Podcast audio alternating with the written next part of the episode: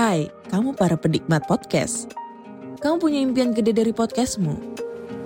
Terus First Story bisa banget bantu kamu.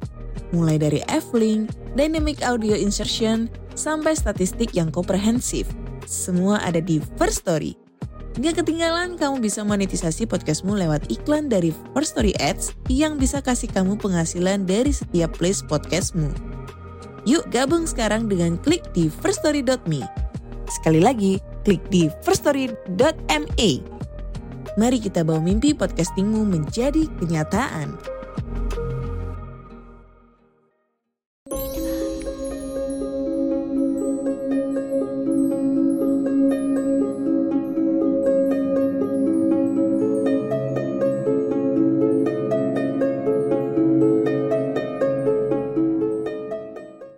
Selamat datang dan selamat malam. Saya Denny, narator dari Rumah Horor Indonesia dan juga cerita tengah malam. Saya akan membacakan sebuah cerita horor untuk kalian semua untuk menghibur kalian di malam hari ini. Dan cerita kali ini berjudul Gara-gara lupa membunyikan klakson. Kisah ini adalah sebuah pengalaman yang berkesan bagi saya dan kedua teman saya. Kejadian ini terjadi sekitar bulan November 2010 setelah bencana Gunung Merapi meletus dan menyemburkan abu vulkanik ke segala penjuru daerah istimewa Yogyakarta dan sebagian Jawa Tengah yaitu sekitar 25 Oktober 2010 Waktu itu kantor kami juga mendapat tugas untuk membagikan bantuan-bantuan dari sumbangan para donatur yang peduli kepada para pengungsi dan penduduk yang terkena dampak hujan abu. Singkat cerita, kami bertiga diberi tugas oleh pimpinan untuk mengantarkan bantuan beras dan bahan-bahan makanan ke tiga lokasi di Muntilan, Jawa Tengah dengan membawa mobil carry atau pickup, yaitu yang bak terbuka itu. Kami berangkat sekitar jam 9.30 pagi. Kebetulan saya yang menjadi supir dan ditemani satu orang di dalam mobil, sedangkan satu teman yang lainnya di bak mobil sambil menjaga bantuan yang akan kami kirim. Di lokasi pertama dan kedua, kami tidak menemukan kesulitan yang berarti karena didukung jalan aspal yang masih bagus dan cuaca waktu itu tidak hujan. Tetapi dampak hujan abu dari meletusnya Gunung Merapi Sungguh-sungguh bisa kami lihat dari banyak pepohonan yang daun-daunnya tertutup abu. Sawah, ladang yang dipenuhi abu, serta tanaman padi dan sayuran yang rusak. Padahal mungkin tinggal menunggu sebentar lagi untuk dipanen. Ya bagaimana lagi, bencana telah mendahului rencana manusia. Pencarian tempat lokasi satu dan dua tetap butuh waktu juga untuk menemukan lokasi sambil tanya-tanya orang tapi semua itu kami jalani dengan perasaan senang karena setidaknya kami bisa membantu sesama yang sedang kesulitan walaupun hanya sementara. Nah, untuk lokasi ketiga ini yang paling sulit karena jalannya sempit. Cukup sih untuk dua mobil, tapi harus hati-hati dan harus pelan-pelan karena aspalnya rusak. Jalan yang berbatu dan menanjak naik bukit serta ditambah cuaca yang tidak mendukung, yaitu hujan deras. Intinya harus berhati-hati karena terkadang jalan berbelok tajam sehingga pandangan kami tidak bisa melihat apa yang ada di depan. Kadang-kadang bertemu truk yang membawa kayu-kayu dan juga bertemu motor para penduduk yang membawa hasil bumi atau rumput-rumputan untuk ternak mereka. Pokoknya harus ekstra berhati-hati karena ada tambahan bonus yang lain yang harus kami hindari, yaitu jurang yang dalam di sisi jalan yang kami lewati. Ah, jadi bersyukur bisa selamat dan menuliskan kembali cerita ini. Sebenarnya pemandangan di sana indah, tapi boro-boro lihat. Ditambah hujan deras, jadi saya harus betul-betul fokus dalam menyetir mobil. Apalagi mobil itu nggak pakai AC, jadi pandangannya terganggu oleh kaca depan yang berembun.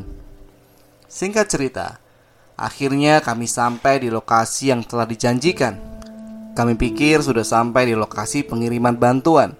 Ternyata masih harus jalan beberapa menit lagi, harus melewati jalan berbatuan yang lebih berat kondisinya dibandingkan jalan sebelumnya. Tapi sudah tanggung alias terlanjur basah. Pokoknya misi harus tetap diselesaikan. Dan akhirnya kami tiba di tempat tujuan dengan selamat di rumah Pak Burhan. Setelah menurunkan bantuan dan menikmati teh panas serta gorengan yang disuguhkan oleh tuan rumah, lalu dirasa cukup istirahatnya, kami pun berpamitan kepada Pak Burhan dan keluarga. Mobil berjalan pelan-pelan karena jalannya berbatu, bukan jalan aspal ya, dan licin karena habis hujan deras, serta agak menanjak. Di rute ini mobil kami mengalami dua kali selip. Yang pertama, karena mobil selip dan jalan menanjak Mobil sempat mundur ke belakang beberapa meter. Saya juga sempat panik sehingga lupa menginjak rem. Tapi untunglah teriakan teman di bak mobil belakang menyadarkan saya. Lalu saya injak rem. Andai saja saya telat menginjak rem dan menarik rem tangan kira-kira satu meteran lagi, pasti mobil akan masuk dan jatuh ke dalam jurang setinggi sekitar 5 meteran. Tapi akhirnya dengan perhitungan yang tepat, mobil bisa jalan kembali. Yang kedua, dalam perjalanan, masih di jalan yang sama, kami bertemu dengan seorang ibu yang menggendong keranjang dengan diikat kain di belakang punggungnya, serta anak-anak SMP yang baru pulang dari sekolah dengan berjalan kaki. Ya maklum ya, sekolah di daerah bukit yang terpencil.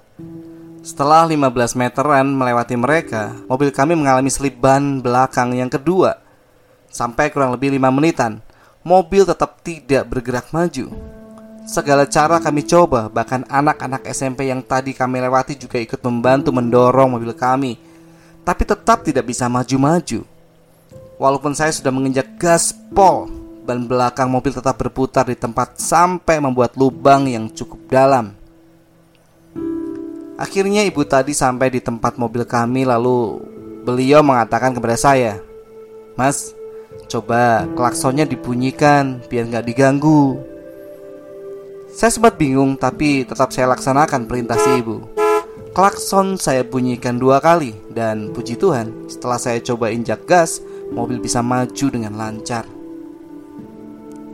Kami bertiga akhirnya bisa bernapas lega dan geleng-geleng kepala karena hanya gara-gara membunyikan klakson, mobil bisa berjalan kembali dan tidak mengalami slip ban lagi. Kami pun bisa melanjutkan perjalanan pulang sampai ke Yogyakarta dan tiba di kantor dengan selamat.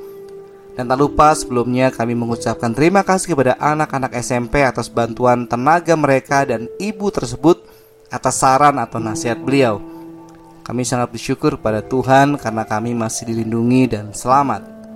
Demikian cerita saya, mungkin membunyikan klakson itu ungkapan kulonuun atau minta izin untuk numpang lewat di tempat yang belum kami kenal kepada mereka. Benar atau tidak, kalau itu baik dan tidak terlalu merepotkan, tidak ada salahnya untuk dilakukan. Tapi tetap hanya kepada Tuhanlah kita meminta perlindungan dan keselamatan.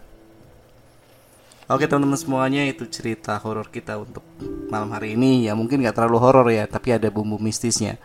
Semoga bisa diambil apa yang baik dari cerita ini. Sampai ketemu di cerita horor berikutnya. Selamat malam, selamat beristirahat.